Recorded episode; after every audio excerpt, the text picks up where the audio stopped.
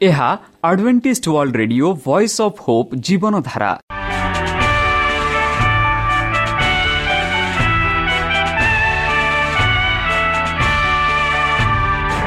Odia radio କାର୍ଯ୍ୟକ୍ରମ ଯାହା ଆମର ଆନ୍ତର୍ଜାତୀୟ ଆଘାତ କେନ୍ଦ୍ରରୁ ପ୍ରସାରଣ କରାଯାଉଛି ପ୍ରତିଦିନ ରାତି ନଅଟା ତିରିଶ ମିନିଟ୍ରେ। ମୁଁ ସୁବ୍ରତ କୁମାର ପତି ପ୍ରେମର ସହ ଆପଣମାନଙ୍କୁ ଏହି କାର୍ଯ୍ୟକ୍ରମକୁ ସ୍ୱାଗତ କରୁଅଛି। ଚାଲନ୍ତୁ ଆଜିର ତିରିଶ ମିନିଟ୍ର କାର୍ଯ୍ୟକ୍ରମ ବିଷୟରେ ଜାଣିନେବା। ପ୍ରଥମେ ରଖିଛୁ ଆଧ୍ୟାତ୍ମିକ ଭକ୍ତିମୟ ଗୀତ। ଏହାପରେ ଶୁଣିବା ସ୍ୱାସ୍ଥ୍ୟ ବିଷୟରେ ଯାହା ଆମର ଦୈନିକ ଜୀବନରେ ଅତ୍ୟନ୍ତ ଜରୁରୀ। ଆଉ ପରିଶେଷରେ ଶୁଣିବା ପରମେଶ୍ୱରଙ୍କ ଭକ୍ତଙ୍କଠାରୁ ଜୀବନଦାୟକ ଈଶ୍ୱରଙ୍କ ବାକ୍ୟ। ପ୍ରିୟ ଶ୍ରୋତା ତାହେଲେ ଚାଲନ୍ତୁ ଶୁଣିବା ଏକ ଆଧ୍ୟାତ୍ମିକ ଭକ୍ତିମୟ ଗୀତ।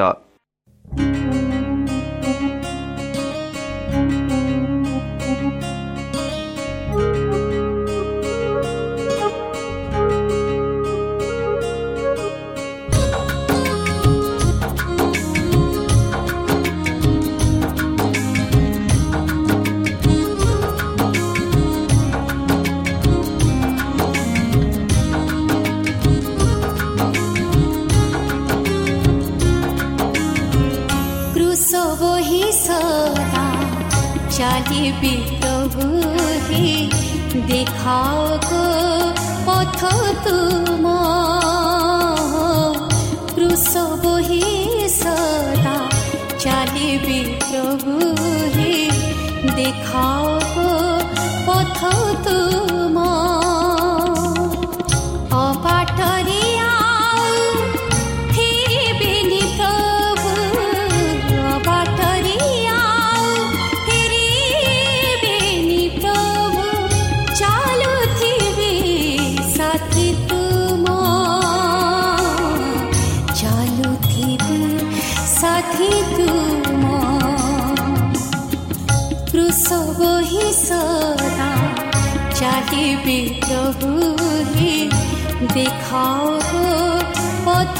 द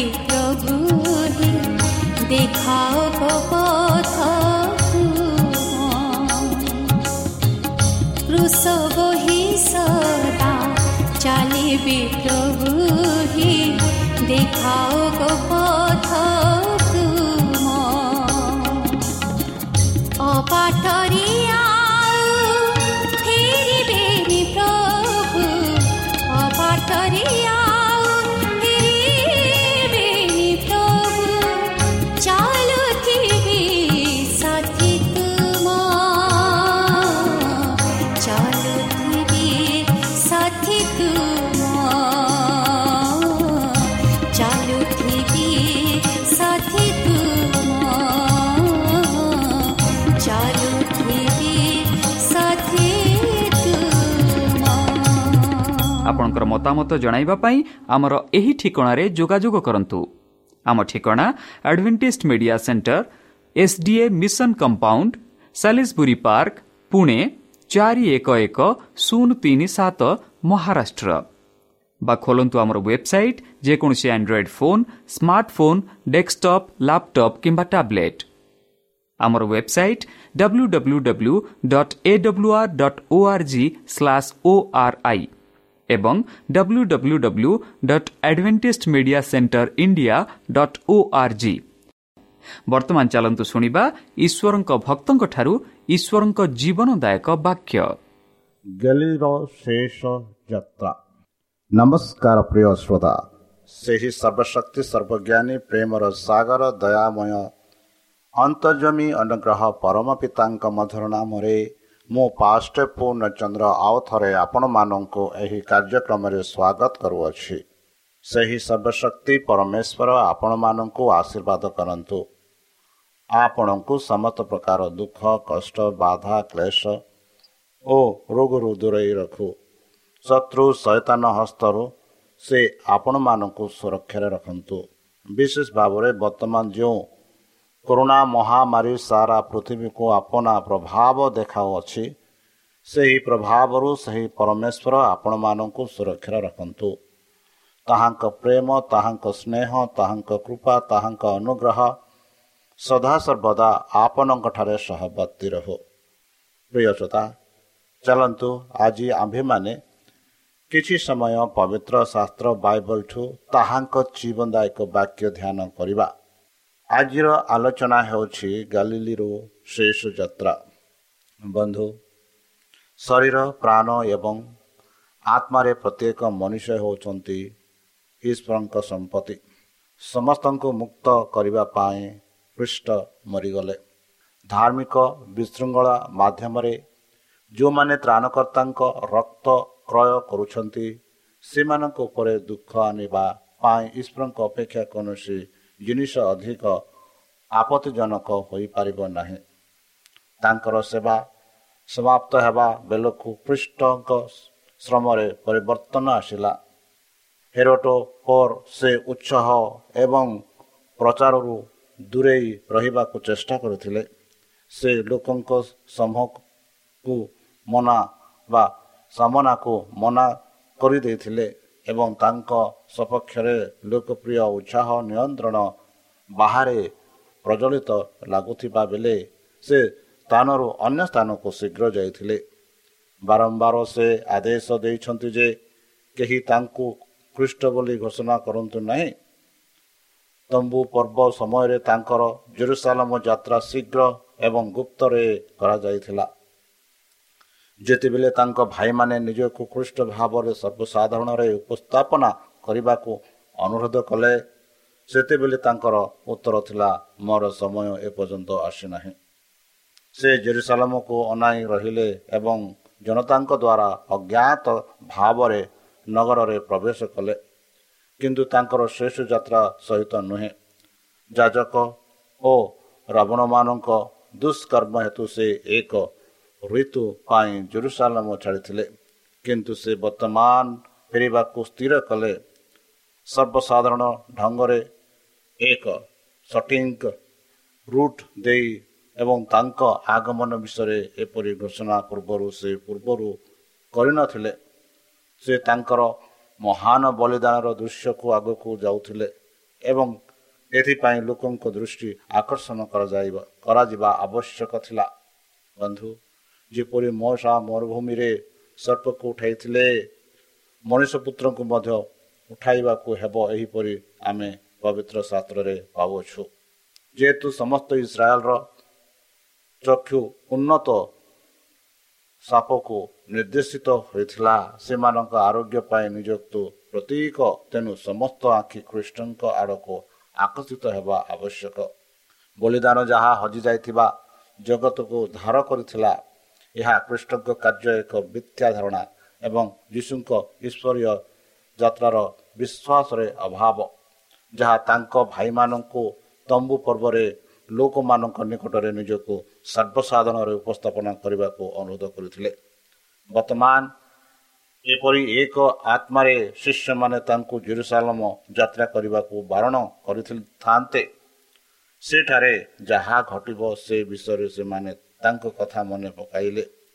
ସେମାନେ ଧାର୍ମିକ ନେତାଙ୍କ ଘାତକ ଶତ୍ରୁତା ଜାଣିଥିଲେ ଏବଂ ସେମାନେ ସେମାନଙ୍କର ଗୁରୁଙ୍କୁ ସେଠାକୁ ଯିବାକୁ ବାରଣ କରିଥାନ୍ତେ। କୃଷ୍ଣଙ୍କ ହୃଦୟରେ ତାଙ୍କ ପ୍ରିୟ ଶିଷ୍ୟମାନଙ୍କର ଭୟ ନିରାଶ ଏବଂ ଅବିଶ୍ୱାସ ବିରୁଦ୍ଧରେ ତାଙ୍କ ପଥ ଦବାଇବା ଏକ ତିକ୍ତ କାର୍ଯ୍ୟ ଥିଲା। ସେମାନଙ୍କୁ ଜେରୁସାଲାମରେ ଅପେକ୍ଷା କରିଥିବା ଯନ୍ତ୍ରଣା ଏବଂ ନିରାଶକୁ ଆଗକୁ ନେବା କଷ୍ଟକର ଥିଲା ଏବଂ ମଣିଷ ପୁତ୍ରଙ୍କ ଉପରେ ତାଙ୍କର ପ୍ରଲୋଭନ ଦେଖାଇବାକୁ ସଚେତନ ପାଖରେ ଥିଲେ। ସେ ବର୍ତ୍ତମାନ ଜେରୁସାଲାମକୁ ନିର୍ଦ୍ଦିଷ୍ଟ ମୃତ୍ୟୁକୁ କାହିଁକି ଯିବେ? ତାଙ୍କ ଚାରିପାଖରେ ପ୍ରାଣ ଜୀବନର ରୁଟି ପାଇଁ ଭୋକିଲେ ଥିଲା। ପ୍ରତ୍ୟେକ ହାତରେ ଦୁଃଖୀ ତାଙ୍କ ଆରୋଗ୍ୟର ବାକ୍ୟକୁ ଅପେକ୍ଷା କରିଥିଲେ। ତାଙ୍କ ଅନୁଗ୍ରହର ସୁସମାଚାର ଦ୍ୱାରା କରାଯାଇଥିବା କାର୍ଯ୍ୟ ମାତ୍ର ଆରମ୍ଭ ହୋଇଥିଲା ଏବଂ ସେ ପୁରୁଷୋତ୍ତମ ପ୍ରବଳ ଶକ୍ତିରେ ପରିପୂର୍ଣ୍ଣ ଥିଲେ। ତାଙ୍କ ଅନୁଗ୍ରହର ବାକ୍ୟ ସହିତ ଦୁନିଆର ବିସ୍ତୃତ କ୍ଷେତ୍ରକୁ କାହିଁକି ଆଗକୁ ବଢ଼ନ୍ତୁ ନାହିଁ ତାଙ୍କର ଆରୋଗ୍ୟ ଶକ୍ତିର ସ୍ପର୍ଶ। କାହିଁକି ଅନ୍ଧକାର ଏବଂ ଦୁଃଖୀ ଲୋକଙ୍କୁ ଆଲୋକ ଏବଂ ଆନନ୍ଦ ପ୍ରଦାନ କରିବାର ଆନନ୍ଦ ନିଜେ ଗ୍ରହଣ କରିବେ ନାହିଁ? କାହିଁକି ଅମଳ ସଂଗ୍ରହ ତାଙ୍କ ଶିଷ୍ୟମାନଙ୍କୁ ଛାଡ଼ି ଦିଅନ୍ତି। ବିଶ୍ୱାସରେ ଏତେ ଦୁର୍ବଳ ବୁଝାମଣାର ଦୁର୍ବଳ କାର୍ଯ୍ୟ କରିବାକୁ ଏତେ ଧୀର। କାହିଁକି ବର୍ତ୍ତମାନ ମୃତ୍ୟୁର ସମ୍ମୁଖୀନ ହେବାକୁ ପଡ଼ିବ? ଏବଂ ଶିଶୁଟିକୁ କାମ ଛାଡ଼ିଦିଅ ମରୁଭୂମିରେ ଶତ୍ରୁ ଯିଏ ଖ୍ରୀଷ୍ଟଙ୍କ ସହିତ ମହାମୟୀ ହୋଇଥିଲେ ତାଙ୍କୁ ବର୍ତ୍ତମାନ ଭୟଙ୍କର ଏବଂ କୃଷ୍ଣ ପ୍ରଲୋଭନ ଦେଖାଇ ଆକ୍ରମଣ କଲେ। ଯଦି ଯୀଶୁ କିଛି କ୍ଷଣ ପାଇଁ ହାର ମାନିଥାନ୍ତେ ଯଦି ସେ ନିଜକୁ ବଞ୍ଚାଇବା ପାଇଁ ଅତି କମରେ ନିଜ ମାର୍ଗ ପରିଦର୍ଶନ କରିଥାନ୍ତେ ସଚେତନାର ଏଜେଣ୍ଟସ୍ ବିଷୟରେ ହୋଇଥାନ୍ତେ ସଚେତନର ଆୟତରେ ହୋଇଥାନ୍ତେ ଆଉ ଜଗତ ନଷ୍ଟ ହୋଇଥାନ୍ତା। କିନ୍ତୁ ଯୀଶୁ ଜେରୁସାଲାମକୁ ଯିବା ପାଇଁ ସ୍ଥିର ଭାବରେ ସ୍ଥିର କଲେ। ତାଙ୍କ ଜୀବନର ଗୋଟିଏ ନିୟମ ଥିଲା ପିତାଙ୍କ ଇଚ୍ଛା ତାଙ୍କ ବାଲ୍ୟକାଳର ମନ୍ଦିର ଗସ୍ତରେ ସେ ମରିୟମଙ୍କୁ କହିଥିଲେ। ଆପଣ ଜାଣନ୍ତି ନାହିଁ ଯେ ମୁଁ ମୋର ପିତାଙ୍କ ବ୍ୟବସ୍ଥା ବିଷୟରେ ନିଶ୍ଚୟ କରିବି ପଢ଼ନ୍ତୁ ଲୁକ ଦୁଇ ଅଣଚାଳିଶ। କାନାନରେ ଯେତେବେଳେ ମରିୟମ ତାଙ୍କର ଚମତ୍କାର ଶକ୍ତି ପ୍ରକାଶ କରିବାକୁ ଇଚ୍ଛା କଲେ ତାଙ୍କର ଉତ୍ତର ଥିଲା ମୋ ଘଣ୍ଟା ଏପର୍ଯ୍ୟନ୍ତ ଆସିନାହିଁ ବନ୍ଧୁ ସେହି ସମାନ ବାକ୍ୟ ସହିତ ସେ ତାଙ୍କ ଭାଇମାନଙ୍କୁ ଉତ୍ତର ଦେଲେ। ଯେତେବେଳେ ସେମାନେ ତାଙ୍କୁ ଭୋଜି କରିବାକୁ ଯିବାକୁ ଅନୁରୋଧ କଲେ କିନ୍ତୁ ଈଶ୍ୱରଙ୍କ ମହାନ ଯୋଜନାରେ ମନୁଷ୍ୟର ପାପ ପାଇଁ ନିଜକୁ ଉତ୍ସର୍ଗ କରିବା ପାଇଁ ଘଣ୍ଟା ସ୍ଥିର କରାଯାଇଥିଲା ଏବଂ ସେହି ଘଣ୍ଟା ଖୁବ୍ ଶୀଘ୍ର ଆସିବାକୁ ଲାଗିଲା। ସେ ବିଫଳ ହେବେ ନାହିଁ କି ଦୁର୍ବଳ ହେବେ ନାହିଁ ତାଙ୍କ ପାଦ ଜେରୁସାଲାମ ଆଡ଼କୁ ମହା ହୋଇ ଯେଉଁଠାରେ ତାଙ୍କର ଶତ୍ରୁମାନେ ବହୁ ଦିନରୁ ତାଙ୍କ ଜୀବନ ନେବାକୁ ଷଡ଼ଯନ୍ତ୍ର କରିଛନ୍ତି। ବର୍ତ୍ତମାନ ସେ ଏହାକୁ ରଖିବେ। ସେ ନିର୍ଯାତନା ଅସ୍ୱୀକାର ପ୍ରତ୍ୟାଖ୍ୟାନ ନିନ୍ଦା ଏବଂ ମୃତ୍ୟୁକୁ ଯିବାକୁ ସ୍ଥିର ଭାବରେ ସ୍ଥିର କଲେ। ବନ୍ଧୁ ସେ ତାହାଙ୍କ ସମ୍ମୁଖରେ ଦୂତ ପଠାଇଲେ। ସେମାନେ ଯାଇ ଜେରୁସାଲାମ ବା ସମରଣୀୟମାନଙ୍କ ଏକ ଗ୍ରାମରେ ପ୍ରବେଶ କଲେ। କିନ୍ତୁ ଲୋକମାନେ ତାହାଙ୍କୁ ଗ୍ରହଣ କରିବାକୁ ମନା କଲେ। କାରଣ ସେ ଜେରୁସାଲାମକୁ ଯାଉଥିଲେ। ସେମାନେ ଏହାର ଅର୍ଥ ଭାବରେ ବ୍ୟାଖ୍ୟା କଲେ ଯେ ଖ୍ରୀଷ୍ଟ ଯୁହୁଦୀମାନଙ୍କ ପାଇଁ ଏକ ପସନ୍ଦ ଦେଖାଇଲେ ଯାହାକୁ ସେମାନେ ତୀବ୍ର ତିକ୍ତତା ସହିତ ଘୃଣା କରୁଥିଲେ। ଯଦି ସେ ମନ୍ଦିରକୁ ପୁନଃସ୍ଥାପନ କରିବାକୁ ଏକ ଗେଜିମେନ୍ ପର୍ବତ ଉପରେ ଉପସ୍ଥାପନା କରିବାକୁ ଆସିଥାନ୍ତେ ସେମାନେ ଆନନ୍ଦରେ ତାଙ୍କୁ ଗ୍ରହଣ କରିଥାନ୍ତେ। କିନ୍ତୁ ସେ ଜେରୁସାଲାମକୁ ଯାଉଥିଲେ ଏବଂ ସେମାନେ ତାହାଙ୍କୁ ଅତ୍ୟନ୍ତ ଦେଖିବା ଦେଖିବେ ନାହିଁ। ସେମାନେ ଜାଣିପାରିଲେ ନାହିଁ ଯେ ସେମାନେ ନିଜ ଦ୍ୱାରକୁ ସ୍ୱର୍ଗର ସର୍ବୋତ୍ତମ ଉପହାର ଆଡ଼କୁ ଯାଉଛନ୍ତି। ଯୀଶୁ ତାଙ୍କୁ ଗ୍ରହଣ କରିବାକୁ ଲୋକଙ୍କୁ ନିମନ୍ତ୍ରଣ କଲେ। ସେ ସେମାନଙ୍କ ନିକଟରେ ଅନୁଗ୍ରହ ମାଗିଲେ ଯେପରି ସେ ସେମାନଙ୍କ ନିକଟକୁ ଆସିବେ। ଧନୀ ଆଶୀର୍ବାଦ ପ୍ରଦାନ କରିବେ। ତାଙ୍କ ପ୍ରତି ପ୍ରକାଶିତ ସମସ୍ତ ଅନୁଗ୍ରହ ପାଇଁ ସେ ଅଧିକ ମୂଲ୍ୟବାନ ଅନୁଗ୍ରହ ଆବଶ୍ୟକ କଲେ। ବନ୍ଧୁ କିନ୍ତୁ ସେମାନଙ୍କର ପକ୍ଷପାତିତା ଏବଂ କୁସଂସ୍କାର ହେତୁ ସମସ୍ତେ ସମରୀୟନୀୟମାନଙ୍କ ପାଇଁ ହରାଇଲେ। ବନ୍ଧୁ ଖ୍ରୀଷ୍ଟଙ୍କ ଦୂତ ଜକୁବ ଏବଂ ଜହନ ସେମାନଙ୍କ ପ୍ରଭୁଙ୍କୁ ଦେଖାଇବା ଦେଖାଇବା ଅପମାନରେ ବହୁତ ବିରକ୍ତ ହେଲେ। ସେମାନେ କ୍ରୋଧତ୍ୱରେ ପରିପୂର୍ଣ୍ଣ ହେଲେ କାରଣ ସେ ସମୀରମାନଙ୍କ ପ୍ରତି ଏପରି କଠୋର ବ୍ୟବହାର କରିଥିଲେ ଯାହାକୁ ସେ ତାଙ୍କ ଉପସ୍ଥିତିରେ ସମ୍ମାନିତ କରୁଥିଲେ। ନିକଟରେ ସେମାନେ ତାଙ୍କ ସହିତ ରୂପାନ୍ତର ପର୍ବତରେ ଥିଲେ ଏବଂ ତାଙ୍କୁ ଈଶ୍ୱରଙ୍କ ଦ୍ୱାରା ଗୌରବ ବାହାନିତ୍ୱ ହୋଇଥିବାର ଦେଖିଲେ ଏବଂ ମୋଷା ଏବଂ ଏଲିୟଙ୍କ ଦ୍ୱାରା ସମ୍ମାନିତ ହୋଇଥିଲେ। ସମରୀୟମାନଙ୍କ ଦ୍ୱାରା ହୋଇଥିବା ଏହି ଅସମ୍ମାନ ସେମାନେ ଭାବିଥିଲେ ଯେ ବିନା ଦଣ୍ଡରେ ତାହା ଅତିକ୍ରମ କରିବା ଉଚିତ ନୁହେଁ। କୃଷ୍ଣଙ୍କ ନିକଟକୁ ଆସିଲେ ସେମାନେ ତାହାଙ୍କୁ ଲୋକମାନଙ୍କ ବାକ୍ୟ ଜଣାଇଲେ। ସେମାନେ ତାହାଙ୍କୁ କହିଥିଲେ ଯେ ସେମାନେ ତାଙ୍କୁ ରାତ୍ରି ଯାପନ କରିବାକୁ ମଧ୍ୟ ମନା କରି ଦେଇଛନ୍ତି।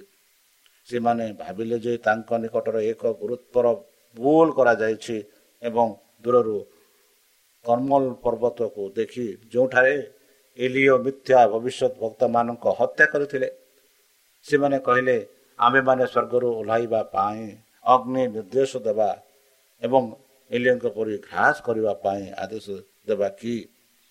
ସେମାନେ ଦେଖି ଆଶ୍ଚର୍ଯ୍ୟ ହୋଇଗଲେ ଯେ ଯୀଶୁ ସେମାନଙ୍କ କଥା ଦ୍ୱାରା ଯନ୍ତ୍ରଣା ଅନୁଭବ କଲେ ଏବଂ ଆହୁରି ଅଧିକ ଆଶ୍ଚର୍ଯ୍ୟ ହେଲେ ଯେ ତାଙ୍କ ଭର୍ଜନା ସେମାନଙ୍କ କାନରେ ପଡ଼ିଲା ଆପଣ ଜାଣନ୍ତି ନାହିଁ ଆପଣ କେଉଁ ଆତ୍ମା ଅଟନ୍ତି? କାରଣ ମନୁଷ୍ୟ ପୁତ୍ର ମନୁଷ୍ୟର ଜୀବନ ନଷ୍ଟ କରିବାକୁ ଆସିନାହାନ୍ତି କିନ୍ତୁ ସେମାନଙ୍କୁ ବଞ୍ଚାଇବା ପାଇଁ। ଏବଂ ସେ ଅନ୍ୟ ଏକ ଗାଁକୁ ଗଲେ। ବନ୍ଧୁ ମନୁଷ୍ୟମାନଙ୍କୁ ତାଙ୍କ ଗ୍ରହଣ କରିବାକୁ ବାଧ୍ୟ କରିବା ଖ୍ରୀଷ୍ଟଙ୍କ ମିଶ୍ନର କୌଣସି ଅଂଶ ନୁହେଁ। ଏହା ହେଉଛି ସୟତାନ ଏବଂ ଲୋକମାନେ ତାଙ୍କ ଆତ୍ମା ଦ୍ୱାରା କାର୍ଯ୍ୟ କରନ୍ତି। ଯେଉଁମାନେ ବିବେକକୁ ବାଧ୍ୟ କରିବାକୁ ଚେଷ୍ଟା କରନ୍ତି ଧାର୍ମିକତା ପାଇଁ ଉତ୍ସାହର ବାହାନରେ ଯେଉଁମାନେ ମନ୍ଦ ଦୂତମାନଙ୍କ ସହିତ ମିଳିତ ହୁଅନ୍ତି ସେମାନେ ସେମାନଙ୍କର ଧାର୍ମିକ ଧାରଣାକୁ ରୂପାନ୍ତର କରିବା ପାଇଁ ସେମାନଙ୍କ ସାଥୀମାନଙ୍କ ଉପରେ ଯନ୍ତ୍ରଣା ଭୋଗନ୍ତି। କିନ୍ତୁ ଖ୍ରୀଷ୍ଟ ସର୍ବଦା ଦୟା ଦେଖାଉଛନ୍ତି ନିଜ ପ୍ରେମର ପ୍ରକାଶ ଦ୍ୱାରା ଜିତିବାକୁ ଚେଷ୍ଟା କରୁଛନ୍ତି। ସେ ଆତ୍ମାରେ କୌଣସି ପ୍ରତିଦ୍ୱନ୍ଦିକ ସ୍ୱୀକାର କରିପାରିବେ ନାହିଁ କିମ୍ବା ଆଂଶିକ ସେବାକୁ ଗ୍ରହଣ କରିପାରିବେ ନାହିଁ। କିନ୍ତୁ ସେ କେବଳ ସ୍ୱେଚ୍ଛା ସେବା ପ୍ରେମର ସୀମା ମଧ୍ୟରେ ହୃଦୟର ଇଚ୍ଛିକୃତ ଆତ୍ମସମର୍ପଣ କରିବାକୁ ଇଚ୍ଛା କରନ୍ତି। ଯେଉଁମାନେ ଆମର କାର୍ଯ୍ୟକୁ ପ୍ରଶଂସା କରନ୍ତି ନାହିଁ କିମ୍ବା ଯେଉଁମାନେ ଆମର ଧାରଣା ବିରୁଦ୍ଧରେ କାର୍ଯ୍ୟ କରନ୍ତି ସେମାନଙ୍କୁ ଆଘାତ ଏବଂ ବିନାଶ କରିବା ପାଇଁ ଆମର ସଚେତନର ଆତ୍ମା ଅଛି ବୋଲି ଆଉ କୌଣସି ଚରମ ପ୍ରମାଣ ହୋଇପାରିବ ନାହିଁ। ବନ୍ଧୁ ଶରୀର ପ୍ରାଣ ଏବଂ ଆତ୍ମାରେ ପ୍ରତ୍ୟେକ ମଣିଷ ହେଉଛି ଈଶ୍ୱରଙ୍କ ସମ୍ପତ୍ତି। ସମସ୍ତଙ୍କୁ ମୁକ୍ତ କରିବା ପାଇଁ କୃଷ୍ଣ ମରିଲେ। ଧାର୍ମିକ ବିଶୃଙ୍ଖଳା ମାଧ୍ୟମରେ ଯେଉଁମାନେ ତ୍ରାଣକର୍ତ୍ତାଙ୍କ ରକ୍ତ କ୍ରୟ କରୁଛନ୍ତି ସେମାନଙ୍କ ଉପରେ ଦୁଃଖ ଆଣିବା ପାଇଁ ଈଶ୍ୱରଙ୍କ ଅପେକ୍ଷା କୌଣସି ଜିନିଷ ଅଧିକ ଆପତିତଜନକ ହୋଇପାରିବ ନାହିଁ। ବନ୍ଧୁ ସେ ସେଠାରୁ ଉଠି ଯଦନ ନଦୀକୁ ଦୂରବର୍ତ୍ତୀ ଜୁହୁଦା କୂଳକୁ ଆସିଲେ। ଲୋକମାନେ ପୁନର୍ବାର ତାହାଙ୍କ ନିକଟକୁ ଆସିଲେ। ପୂର୍ବ ପରି ସେ ସେମାନଙ୍କୁ ପୁନର୍ବାର ଶିକ୍ଷା ଦେଲେ। ବନ୍ଧୁ କୃଷ୍ଣଙ୍କ ସେବାର ଶେଷ ମାସରେ ଏକ ମହତ୍ଵ ଅଂଶ ଜୁହୁଦାର ଜୋଡ଼ନର ଦୂର ପାର୍ଶ୍ୱରେ ପ୍ରବେଶର ଫେରିଆରେ ଅତିବାହିତ ହୋଇଥିଲା।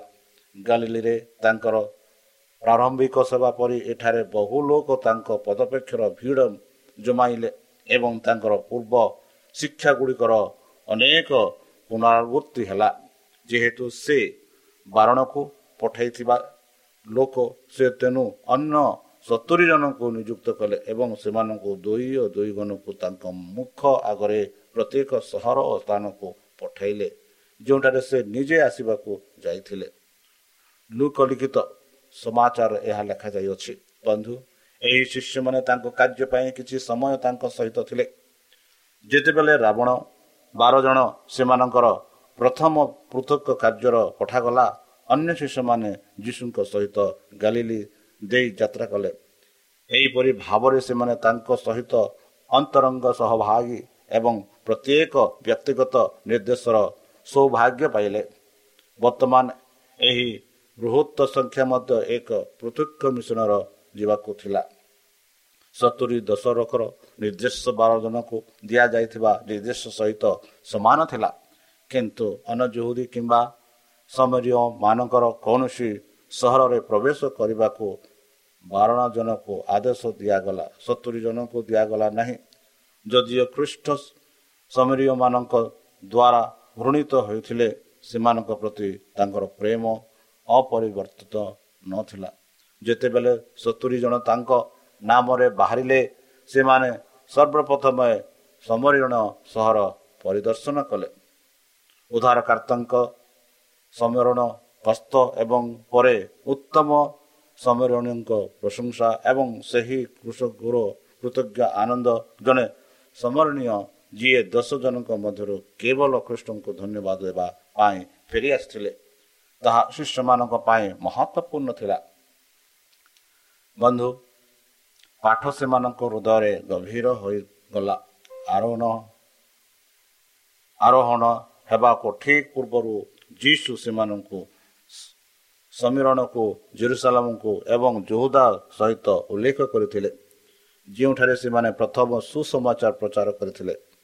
ଏହି ଆୟୋଗ ତାଙ୍କର ଶିକ୍ଷା ସେମାନଙ୍କୁ ପୂରଣ କରିବାକୁ ପ୍ରସ୍ତୁତ କରୁଥିଲା।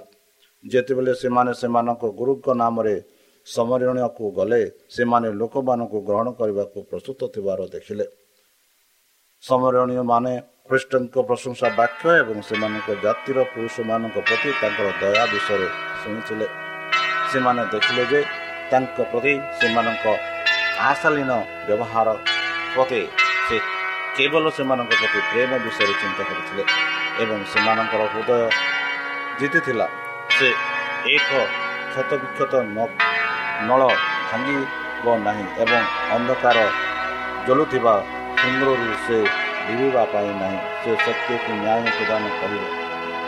ଆମେ ଯୁବତୀମାନେ ତାଙ୍କ ନାମରେ ବିଶ୍ୱାସ କରିବେ ସେହି ଯୀଶୁଖ୍ରୀଷ୍ଟ ଯିଏକି ଆମ୍ଭମାନଙ୍କ ପାଇଁ ଖୁସିରେ ନିଜ ଜୀବନ ଦେଲେ ଯେପରି ତାଙ୍କ ଜୀବନ ଦ୍ୱାରା ଆମେ ଆନନ୍ଦ ଜୀବନ ପ୍ରାପ୍ତ ଚାଲନ୍ତୁ ନିଜକୁ ସମର୍ପଣ କରି ତାହାଙ୍କ ମଧୁର ନାମରେ ଆମେ ପ୍ରାର୍ଥନା ଉତ୍ସର୍ଗ କରିବା ହେ ଆମମାନଙ୍କ ସର୍ବଶକ୍ତି ସର୍ବଜ୍ଞାନୀ ପ୍ରେମର ସାହର ଦୟାମୟ ଅନ୍ତର୍ଜମୀ ଅନୁଗ୍ରହ ପିତା ଧନ୍ୟବାଦ ଅର୍ପଣ କରୁଅଛୁ ପ୍ରଭୁ ବର୍ତ୍ତମାନ ଯେଉଁ ବାକ୍ୟ ତୁମ ସେହି ଭକ୍ତଙ୍କ ଦ୍ୱାରା ଶୁଣାଇଲେ ସେହି ବାକ୍ୟ ଅନୁସାରେ ଏମାନଙ୍କୁ ଚାଲିବା ପାଇଁ ବୁଦ୍ଧିରେ ଜ୍ଞାନରେ ଶକ୍ତିରେ ପରିପୂର୍ଣ୍ଣ କର ଶତ୍ରୁ ସୈତନ ହସ୍ତରୁ ଏମାନଙ୍କୁ ଦୂରେଇ ରଖ ପରିଶେଷରେ ଯେବେ ତୁମେ ତୁମେ ସେହି ସହସ୍ରଦୂତଙ୍କ ସହ ଆପଣ ସାଧୁମାନଙ୍କୁ ସଂଗ୍ରହ କରିବା ନିମନ୍ତେ ଆସିବେ ସେତେବେଳେ ଆମମାନଙ୍କୁ ଏକ ବାସସ୍ଥାନ ଯେଭଳି ତ୍ରାଣକର୍ତ୍ତା ପ୍ରଭୁ ଯୀଶୁଙ୍କ ମଧୁରମୟ ନାମରେ ଏହି ଛୋଟ ବିକ୍ଷେପ ଅଛି ଶୁଣି ଗ୍ରହଣ କର। ଆମେନ୍। ଶ୍ରୋତା ଆମେ ଆଶା କରୁଛୁ ଯେ ଆମର କାର୍ଯ୍ୟକ୍ରମ ଆପଣମାନଙ୍କୁ ପସନ୍ଦ ଲାଗୁଥିବ। ଆପଣଙ୍କର ମତାମତ ଜଣାଇବା ପାଇଁ ଆମର ଏହି ଠିକଣାରେ ଯୋଗାଯୋଗ କରନ୍ତୁ। ଆମ ଠିକଣା Adventist Media Centre SDA Mission Compound Salisbury Park Pune ଚାରି ଏକ ଏକ ଶୂନ ତିନି ସାତ ମହାରାଷ୍ଟ୍ର।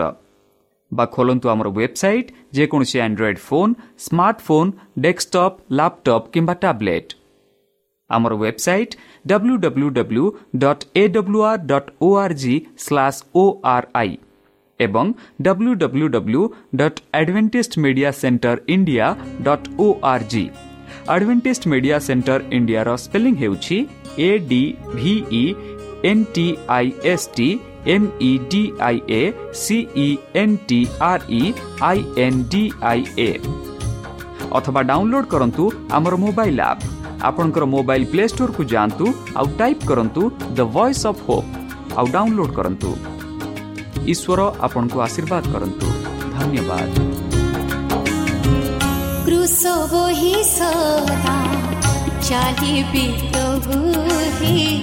দেখাও পথ তুম কৃষ বহি সদা চালিবি প্রভু হে দেখাও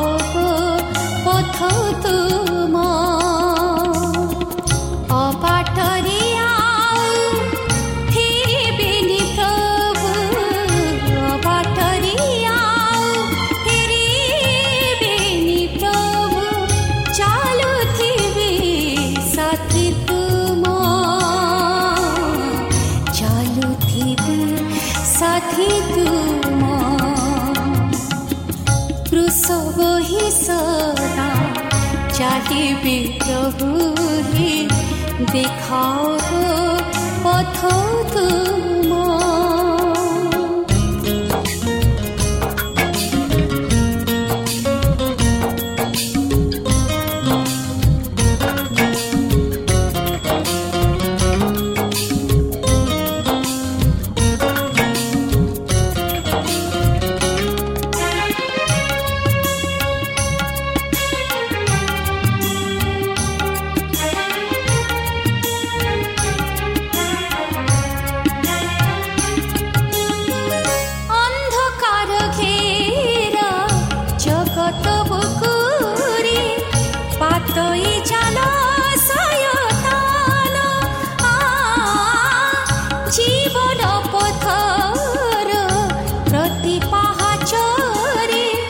আসে পরীক্ষা